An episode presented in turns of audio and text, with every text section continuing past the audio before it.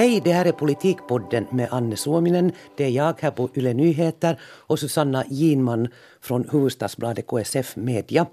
Eh, det är faktiskt en god stund sedan vi poddade senast. Det är tre veckor sedan förra podden och det här beror nu inte på att vi inte skulle ha haft någonting att säga. Men vi har båda legat i tur och ordning på sängbottnen med en ordentlig influensa. Men nu är vi tillbaka och vi har hunnit fundera en del och också varit med om en del redan sen jo, vi kom tillbaka på jobb. Vi har till exempel hunnit vara på en bakgrundsinformation igen. Sådana brukar vi ju springa på så fort vi får en chans. Och den här gången så handlar det om den här vårdreformen som ju nu för tiden också är en landskapsreform. Och den här frågan om att ska man, eh, måste nu också den här regeringen krypa till korset och börja på nytt och från noll på grund av grundlagsproblem eller inte? Det vill säga, är det nu igen en kris på gång kring det här? Nu finns det ju uppgifter om att eh, det här med 15 vårdområden och 18 landskap inte riktigt skulle gå ihop så där ur demokratisynvinkel. De här tre landskapen som då inte är egna vårdområden utan som ska sköta sin vård tillsammans med något annat vårdområde.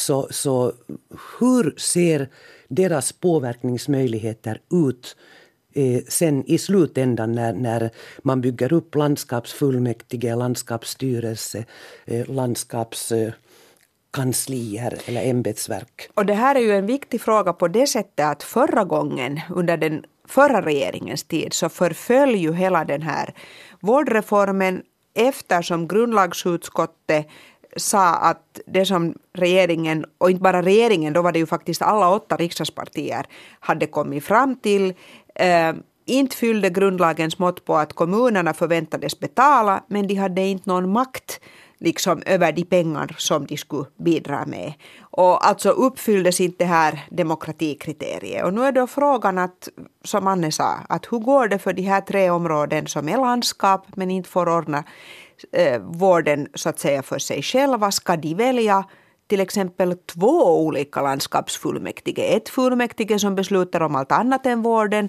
och ett fullmäktige som tillsammans med det andra området som de ska samarbeta med eh, beslutar om, om, om vården. Eh, men så ska det inte vara förstod vi på den här bakgrunden med bland annat Juha Rehula från Centern och han är ju den minister som då i första hand ansvarar för själva vårdreformen.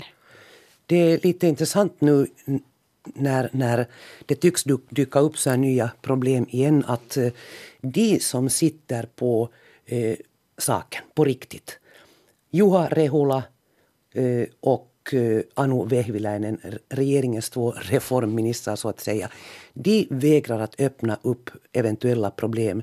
Det här problemet med att det nu igen skulle finnas ett grundlagsproblem kom ut mm, alldeles nyligen då i en intervju med eh, nuvarande riksdagens eh, vice talman Paula Risikko. Från som, Samlingspartiet. Ja, som var omsorgsminister i den förra regeringen. Och social och hälsovårdsminister i den där föregående regeringen. Precis, och som har faktiskt suttit på vårdreformen riktigt, alltså så djupt nedgrävd som man bara kan vara väl. Och, och, det var då hon som lyfte upp det här att, att nu, nu får man nog återgå kanske till ruta ett eller ruta noll igen. No, nu spekuleras det då redan i att, eh, att hon kanske bara är bitter. Det här kanske inte är något problem.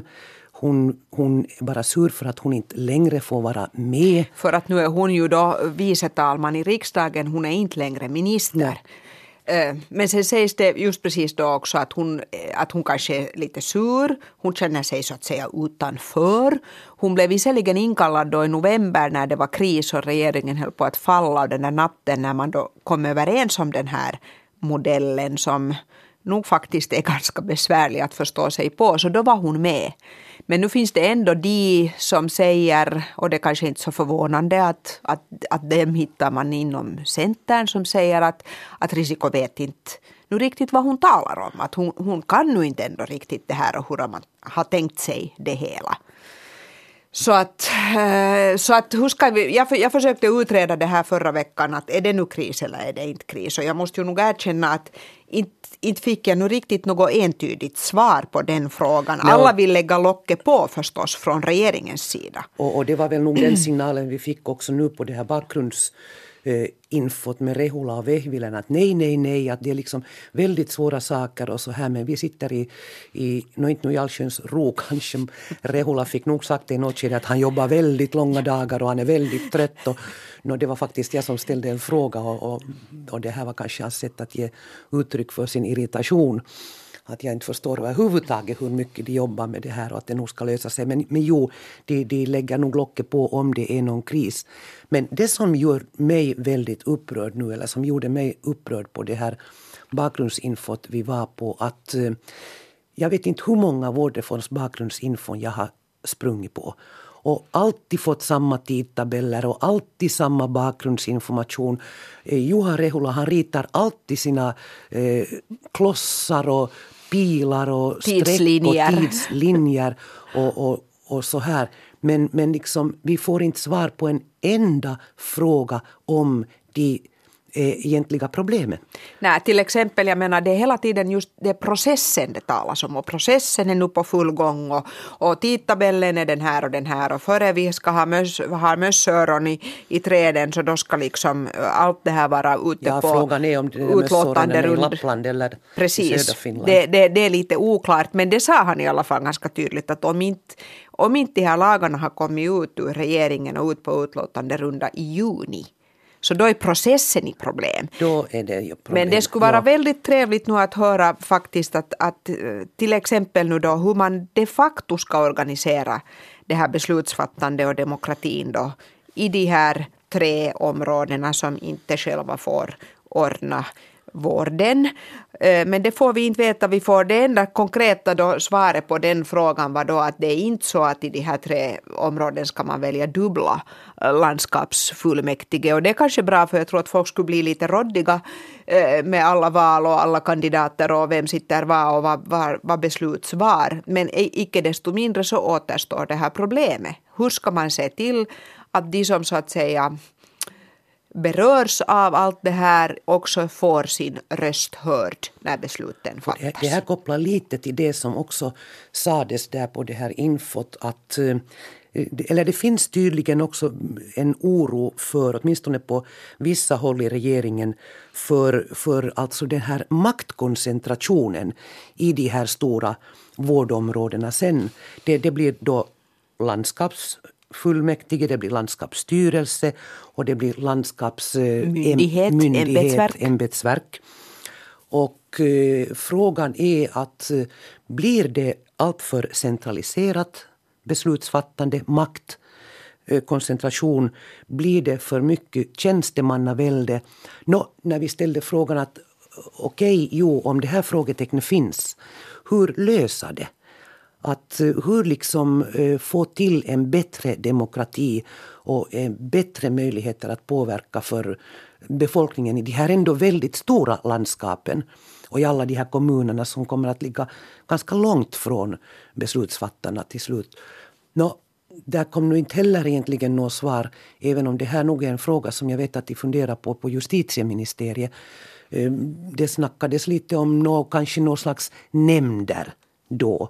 Men nämnder har ju inte sen, okej okay, de, de bereder Ja. frågor men de har ju inte beslutande makt. Men det tror väl nu ingen heller att, att regeringen skulle gå in för några nya organ närmare folket som skulle få beslutande makt. Eller ytterligare en nivå. Men det är klart att jag menar eh, genom nämnder så finns, då breddar man ju nog åtminstone lite. Man får en liksom. större representation av befolkningen. Precis. I kommunerna har det ju varit, eh, för där finns ju också nämnder, men där har ju liksom eh, utvecklingen varit lite den motsatta. Man har slagit ihop nämnder och man har liksom skaffat sig färre nämnder.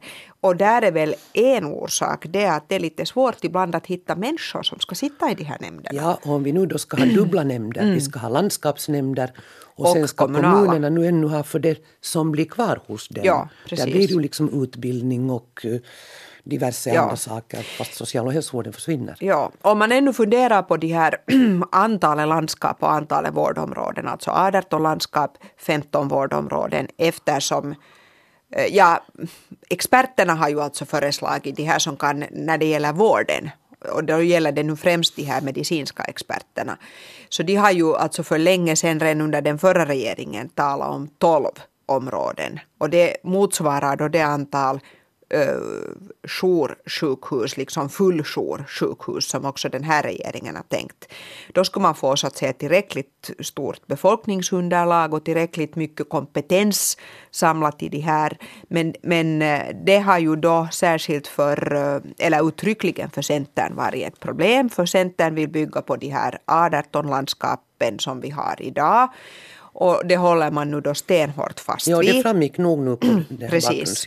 Precis, men däremot finns det ju den lilla bakporten att man poängterar att naturligtvis över en viss tid så kan ju saker och ting förändras och vart femte år så ska man granska eh, hur bärkraftiga de här landskapen och vårdområdena är och om de inte är tillräckligt starka och bärkraftiga så då måste man liksom se över fördelningen. Så den bakporten finns men jag är helt övertygad om att när och om den stunden kommer så är det ju sen ett fruktansvärt slagsmål. Att är det nu så att säga berättigat att, att gå in i de här strukturerna på nytt. Att det är klart att man kan det är inte så svårt kanske att hålla med dem som säger att skulle det inte vara bättre nu att liksom ända från början ha områden som man vet att är bärkraftiga. Förstås finns där också det problemet att ju större de här områdena är så desto längre bort är de ju förstås från den här enskilda patienten och ja, klienten. Men huvudsaken är ju ändå att vi ska kunna ordna en integrerad social och hälsovård. Mm. Och då, då alltså kan man ju nog ja. faktiskt tänka i de här termerna att hellre tillräckligt stora för att de ska vara bärkraftiga ja. än för små för att det ska ja. gå åt skogen. Men där vet jag ju att till exempel SFP är ju jättekritisk till de här stora områden. Och de vill, de vill ju trots att de satt med i den förra regeringen och var med om liksom förstås då den förra reformen som sen förföll. Så nu är de jättekritiska till hela den här integrationstanken mellan social och sjukvård. Nu ifrågasätter de den. Och de är ju i och för sig inte de enda för det är ganska många som tycker att socialvården är liksom sånt som borde kunna finnas kvar i kommunerna. För där finns, det handlar om liksom ganska nära ting och hur åldringar bor och, och så vidare. Liksom att, det, att hela den tanken är fel. Men det är ju just via den integrationstanken och det här Finland är ju det enda land i världen som tänker göra det här. Som man har tänkt att det här stora kostnadsökningsbromsningen på tre miljarder ska mm. komma in. Hur det nu sen går i praktiken så är förstås en intressant fråga för att nu uttrycka sig lite kryptiskt och klichéartat. Men, men för att ännu återknyta till de här eventuella grundlagsproblemen så, så uh, uh, omsorgsminister Juha Rehula, när vi försökte då pressa just på den här 15-18 områdena och, och uppgifterna om att det skulle finnas ett grundlagsproblem. Så, så det enda han egentligen sa var att det finns många frågetecken. Att det gäller nu inte bara det här utan det finns faktiskt många som då tydligen har med grundlagen att göra också den här gången. Och bland annat den här finansieringen. Där det då ska komma, eh, det är Mats Brommels han leder den han leder arbetsgrupp arbetsgruppen. Som, ja. ja. och den ska komma med sin första mellanrapport den 15 mars, det vill säga ganska snart. Och det här eh, förslaget till Ursäkta, det är inte finansieringsmodellen det här utan valfrihetsmodellen. Nej, det är både och. Ja, är både först, och. Okay. först kommer, om jag har förstått rätt, för den här finansieringen håll, innehåller ju liksom egentligen också två olika mm. nivåer. För det första handlar det om det här hur landskapen ska få sina pengar. Jag tror att alla är ganska eniga om att till att börja med så ska pengarna komma via staten i form av någon slags statsandel. Men det där, och då är ju ett problem det här att nu äh, finns det visserligen också statsandelar som kommunerna får, och det får de inte i framtiden. Men en del av vården finansieras ju genom kommunalskatten. Och nu är det förstås då meningen att kommunernas ska då minska på sitt skatteintag för att de inte mera sköter om vården. Samtidigt finns det en kanske helt sund skepsis till att kommer kommunerna verkligen att sänka sina skatter så mm. mycket som de borde göra. Så där kommer tydligen ett lag, lagstadgat tak? Det kommer någon slags tak. Ja. Då kan man ju förstås Men inom alltså parentes som... fråga sig att går det då mot den kommunala självbestämmanderätten att de inte ja, får fatta beslut om sina här, egna skatter? Det här kan vara ett grundlagsproblem. Det kan vara ett grundlagsproblem. Ja. Men, men ja. då liksom för att återknyta Mats Brommels. Precis, att... så att det här är det första tror jag som de ska ta ställning till. Om Ja. jag nu har förstått rätt. Ja, och modellen till exempel för valfriheten ska vara klar här redan i maj då. Ja, det, det är sen den andra biten, att Ja. hur man liksom ordnar men det här- inom vården. Här finns då tydligen frågetecken när det gäller grundlagen. Men, men istället då, som jag sa, redan, blev jag fruktansvärt irriterad på att man inte får svar på några frågor. Istället för att öppna det lite mera, vad är de här eventuella grundlagsproblemen, så får vi då svaret att Nå, frågetecknen är många. I sista hand är det riksdagens grundlagsutskott som sen avgör vad som går och inte. Och, och man blir ju lite beklämd efter alla de här åren med eh, social och hälsovårdsreform. Alla grundlagsproblem, alla gånger de har fallit eh, eller annars stött på patrull Precis. för att man misstänker att det inte klarar grundlagen. Att ska vi nu då än en gång vara med om det här i århundradets Alltså det, det skulle ju vara så pinsamt för den här regeringen om det verkligen skulle gå så att grundlagsutskottet sen säger att sorry, det här uppfyller inte kraven.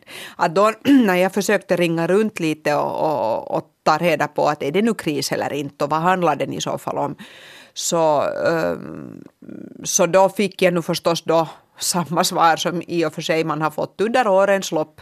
Att, att jo, det här förbereds nog väldigt i nära samarbete med de här grundlagsexperterna och, och man hör dem hela tiden. Men att, att problemet är då det att inga grundlagsexperter, helt förståeligt, vill, vill komma med några skriftliga utlåtanden innan det finns paragrafer. Ja, de vill inte binda upp sig någonting som de att- vet hur det ser ut Precis. Och, och, och jag kan förstå att det här är ett dilemma ur regeringens sida, för de vill förstås skriva paragraferna så att de håller, men, men de, de kan då inte binda upp de här grundlagsexperterna, men de kan höra det. Men jag måste nu säga att inte det är ju ändå så svårt nu med den här grundlagen, att det finns vissa klara kriterier. Att, att, att det måste finnas liksom den här demokratiaspekten och det måste finnas liksom att den som betalar Kommunernas har rätt att, ut, att besluta också. Och det, liksom de här aspekterna måste man, plus den här förstås viktiga aspekten att alla ska ha lika rätt till grundläggande vård, basvård. Eh, Så att så det är jättesvårt kan det ju ändå inte vara. Ska vi säga jag. som så, avrunda det här med att vi hoppas på det bästa. Så kan vi säga. Att Men, det innan mössöronen spricker ut på björkarna finns de centrala lagförslagen som går till riksdagen för att vi ska få en vårdform, vårdreform från den 1 januari 1919. Och att den- 2019, 20, ursäkta. 1919, 2019, jo. Men och det att kan den vi här ju- regeringen då ska klara åtminstone en så här större reform. Precis, det kan vi ju säga att här finns ju nog, också om det inte nu skulle pågå någon kris, så nu finns här ju väldigt många olika åsikter, icke minst om den här, precis den här finansieringen. Nåja, men vi har antagligen anledning att återkomma till det här. Vi beklagar. Eh, vi tänkte nämligen nu också ägna lite tid, eftersom vi har varit tysta i tre veckor, eh, ägna lite tid åt vår flyktingpolitik. Och det har nu också att göra den här gången med lagstiftning och lagberedning som är på gång och grundlagen där. Hur den kommer emot. Att nu, eh, ja, vi kan väl egentligen börja med Amnestys oro för eh, människorättspolitiken i Ja, i hela Europa i hela. Europa nu Ja. som den här flyktingsituationen har, har eh, föranlett. Alltså att de mänskliga rättigheterna är på fallrepet helt enkelt. Jo, det säger Amnesty att nu när Europa, som ju ändå är en eh, rik världsdel, resursstark, välorganiserade samhällen och så vidare, nu när hit då har kommit, eh, är det nu ungefär en miljon flyktingar. Visserligen ett stort antal, men väldigt lågt jämfört med till exempel Syriens grannländer, som är betydligt fattigare och mindre rustade för sånt här.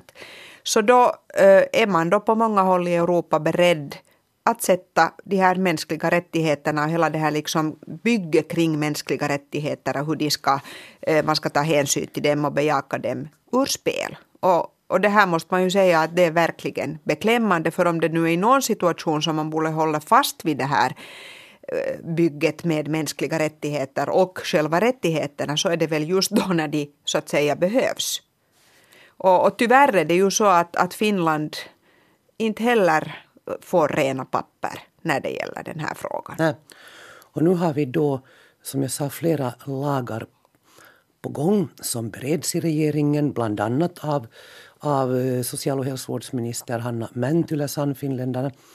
Eh, där, där eh, många instanser än ifrågasätter det hur de här förändringarna, skärpningarna som är på gång ska gå ihop med de mänskliga rättigheterna, med barnens rättigheter, med vår grundlag. Och en av de här lagarna handlar om att än en gång skärpa reglerna för familjeåterförening. Ja, fast det är en lag som inte hör till Mäntylä tror jag, utan till Orpo faktiskt, Den hör faktiskt till Orpo, ja. ja men ja, de bereds vi kommer ju tillsammans. In, vi kommer in på en annan ja. Mäntylä-lag här senare. Men ja, den bereds på inrikesministeriet mm. och eh, remisstiden löpte ut alldeles nyss. Eh, ett 30, drygt 30 remissutlåtanden har kommit in och eh, jag skumma igenom dem och plocka ut en del som, som berör det som jag tycker själv att det är egentligen det allra obehagligaste med de, här skärpta reglerna. Det handlar om barn. Eh, dels så, så eh, behandlar man ju inte i lagstiftningen längre människor som människor när det gäller skärpning av flyktingpolitiken. Man behandlar dem som problem, som pengar, eh, som ett hot mot oss. Och nu är då tanken att eh, skärpa reglerna för familjeåterförening så att man sätter en inkomstgräns på, man måste förtjäna en viss summa ja, för att alls ha rätt för en fyra personers familj. Och det är liksom 2600 i famnen. I famnen, i, i handen menar jag. 2600 för en person. Nej. Nåja, det här får vi återkomma till. Vi återkomma till. Jag har just skrivit en ledare om okay, det här. Tycker du har säkert rätt. Ja. ja, men hur som helst. De här eh, inkomstgränserna som sätts eh, så hart när omöjligt att eh, söka om familjeåterförening när du är här och har fått uppehållstillstånd. Ja, alltså det här är en summa som när man ska ha 2600 i handen för att försörja en fyra personers familj alltså. Så det där så måste man förtjäna det finns lite olika uppgifter men till exempel åtminstone 3300 euro och det är över medelförtjänstnivån mm, i Finland. Mm. Så många finländare klarar inte den här gränsen och obs då att, att enligt det här lagförslaget skulle det här ju gälla också finländare. Det har sen stött på patrull. Jo, det kommer de att skippa. Ja, alltså, det kommer, det kommer de att, att skippa. Men, och det säger en hel del, tycker jag faktiskt. Att då är det ett problem om det gäller finländare. Förstås så kan man resonera som så här att är man finländsk medborgare så har man liksom ett starkare skydd eller en starkare ställning. Eh, men det där, någon slags gräns för det resonemanget måste ju också finnas. Jo. Och särskilt illa är det ju då för de här ensamkommande barnen. Ja. för att de är... Som förutsätts försörja sina föräldrar för att de ska få hit sina föräldrar. I ja. stort sett. Och det, och det prekära, eh, och syskon, ja, det prekära är ju här också tycker jag att när jag tittar på de här remissutlåtandena till exempel eh, Centralförbundet för barnskydd heter ja, det på svenska. Det. De, det är en organisation som då har gett ett remissutlåtande även om de inte har fått en förfrågan.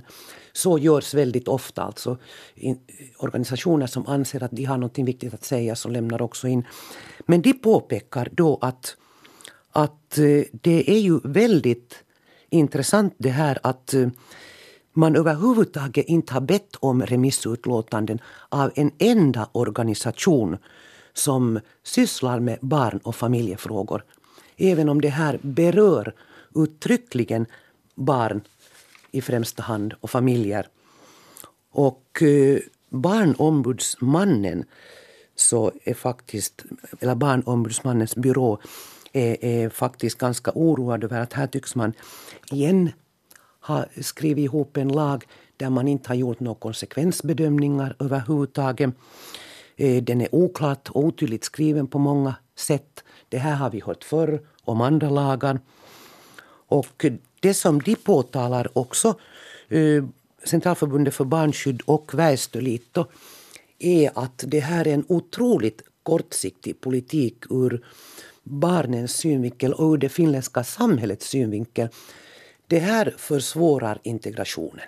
Precis, och det är, helt, en, ja. det är totalt man kan inte liksom ifrågasätta att det är på det sättet. Det är helt klart att så länge du inte har din familj med dig om du är flykting så, så har du helt enkelt inte ro och energi att sätta på att så att säga bli integrerad.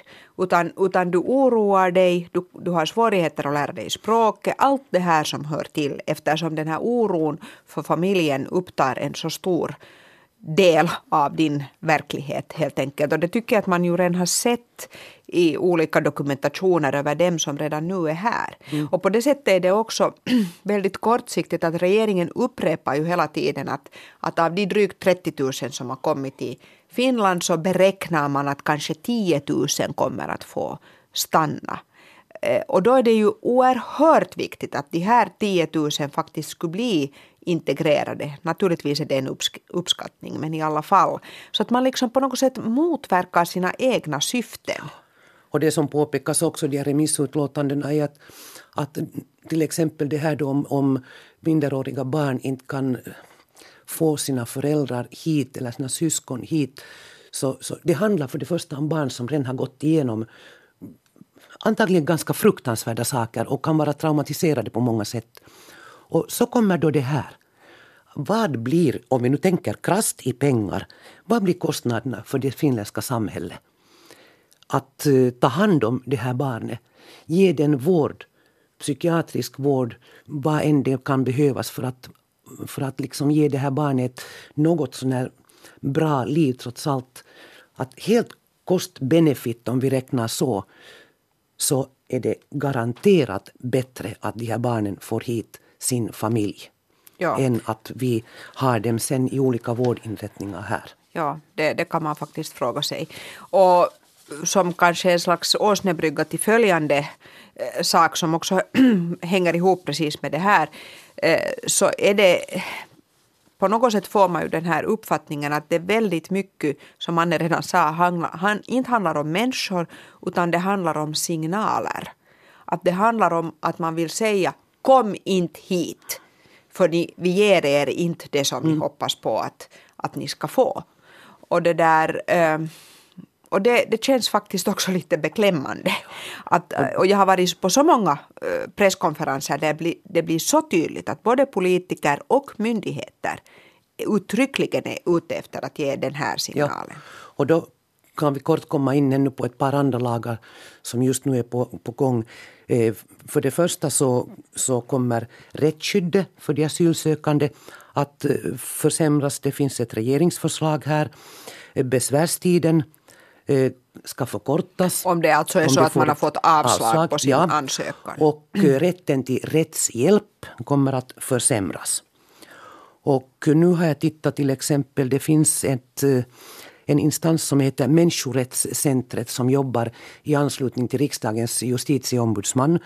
De har en människorättsdelegation med permanenta medlemmar som justitieombudsmannen, justitiekansler, diskrimineringsombudsmannen, jämställdhetsombudsmannen, barnombudsmannen och sen ett eh, stort antal sakkunniga.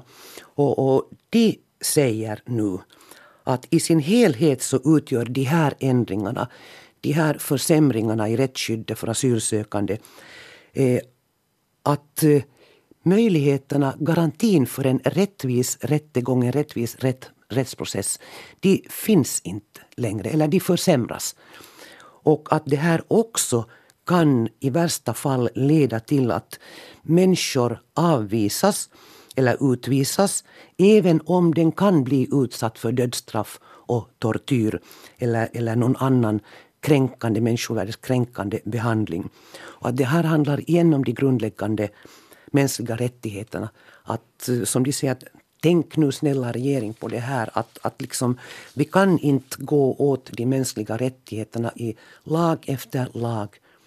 Och, och sen har vi ännu en tredje eh, lagstiftningsgrej på gång som har att göra med med eh, socialskyddet. socialskyddet helt enkelt. Ja. Att, och här är det Hanna Mäntyläs butik. Det är precis det och då handlar det om att då har det presenterats på det här sättet att, att man vill ifrågasätta det här, vi har ju ett boendebaserat socialskydd i Finland. Om du bor permanent i Finland så ger det dig rätt till ett visst socialskydd. Helt oberoende av om du arbetar eller inte, varifrån du kommer ursprungligen och så vidare. Och, och då har Hanna Mäntylä och Sannfinländarna, det ingick faktiskt redan i deras valkampanj, att, att de vill då att, att eh, om man har kommit hit och fått uppehållstillstånd i Finland så då ska man inte ha rätt till det här boendebaserade socialskyddet. Och det här bereds nu och har beretts ganska länge i eh, socialministeriet. Och det var också förresten en liten dragkamp. Vem skulle få bereda det här? Att skulle det vara i inrikesministeriet där de har liksom den här sakkunskapen vad gäller invandrare och flyktingar eller i socialministeriet när det blev socialministeriet. Och, och det här är nu också tydligen någon sån här signal man vill ge Eh, att kom inte hit för att i praktiken så betyder det här nog inte att, eh, att det stöd de får eh, försämras Alltså stödet är i stort sett detsamma för att det kommer att följa lagstiftningen om arbetslöshetsskydd till exempel. Och man måste aktivera sig, man måste delta i integration eller ta emot en erbjuden arbetsplats för att för att få stöd, annars sjunker det. Och där finns alltså redan, de, de, skriv, de skrivningarna finns redan. Att om man säger nej till ja. aktiveringsåtgärder, det, det, kurs eller jobb så går man miste om stöd. Så det som Mäntylä egentligen nu sysslar med är att hon skriver en ny lag eh, med samma innehåll som de lagar som redan gäller också för, för de som har fått, eh, fått det här uppehållstillstånd. Men hon skriver en ny lag för att få bort det här bostadsbaserade socialskyddet. Ja. Och då är frågan här nu än en gång grundlagen. Att vår grundlag säger att man inte kan behandla människor alltså invånare i Finland som har rätt att bo här. Man kan inte ha olika socialskyddssystem för dem utan alla ska behandlas lika. Så det ska bli intressant att se hur det, hur det går. Då är ju, frågan är ju att försöka man här precis då få skapa ett slags prejudikat. Att det är okej okay att lyfta ut vissa grupper. Nu handlar det då om de här som har fått uppehållstillstånd. Vem är det nästa gång? Är det de rödhåriga? Ja, precis. Så att det, där, det, här är, det här är liksom ganska, en ganska farlig väg. Och jag skulle vilja säga så här om vi kanske ska börja avrunda så småningom men att vi har ju upplevt den, de senaste åren men det har liksom fått mera fart nu överhuvudtaget sån här kritik mot vår grundlag och det att grundlagen nu omfattar liksom sådana här äh, rättigheter, subjektiva rättigheter som, som, som förhindrar reformer. Precis, som man då anser att nu är det, att det är en broms och att, att, att, att hela grundlagen liksom bromsar olika sätt att förändra Finland och att göra Finland mera flexibelt och så vidare. Och, och det där, jag skulle tycker själv att man måste höja ett litet varningens finger här. Att det där, att, att vad, vad finns egentligen bakom den här kritiken som riktas mot grundlagen? Att är det så att man liksom vill rasera hela det här systemet som vi har med, med, med mänskliga rättigheter i slutändan?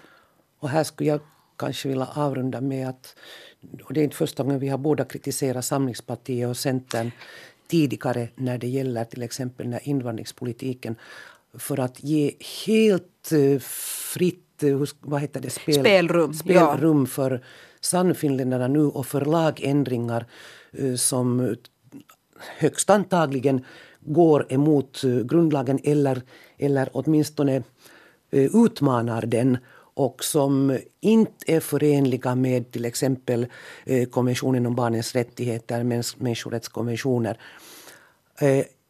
Man lyfter inte upp de här frågorna, man problematiserar dem inte. Och jag är nog väldigt kritisk också mot medierna ja. och oss journalister. Ja. Att de här varför ser jag inga stora grejer kring remissutlåtanden som är kritiska till skärpningen av familjeåterföreningen till exempel. Ja, medan man nog såg ganska mycket artiklar och, och uppståndelse kring de här utlåtandena om regeringens eh, försök, eller de här så kallade tvångslagarna. För där kom ju också väldigt kritiska ja. remissutlåtanden. Men att här det här är liksom, som en liksom slags tabufråga. Det är som tabufråga alltså. och man vill inte stöta sig på något sätt. Nej. Eller att det har blivit liksom allmänt accepterat nu att vi skärper, skärper, skärper, skärper. och vi signalerar, signalerar, signalerar. Ja. Kom inte hit. Att det liksom går över allt annat. Att jag, måste, jag håller helt med dig. Jag måste säga att jag är riktigt besviken på Centern och Samlingspartiet som, som jag skulle ha trott att de skulle ha värnat om de här grundläggande värden till exempel kring mä- mänskliga rättigheter bättre än så här och att det skulle väga tyngre, lite tyngre än det nu tycks göra när det viktigaste är att hålla ihop regeringen och hålla Sannfinländarna lugna. Plus än en gång så hoppas jag också på bättre tag från oppositionens sida. Att lyfta upp de här frågorna i den allmänna debatten. Tack för oss. Här Tack slutar vi nu och hoppas att vi är tillbaka om en vecka. Tack.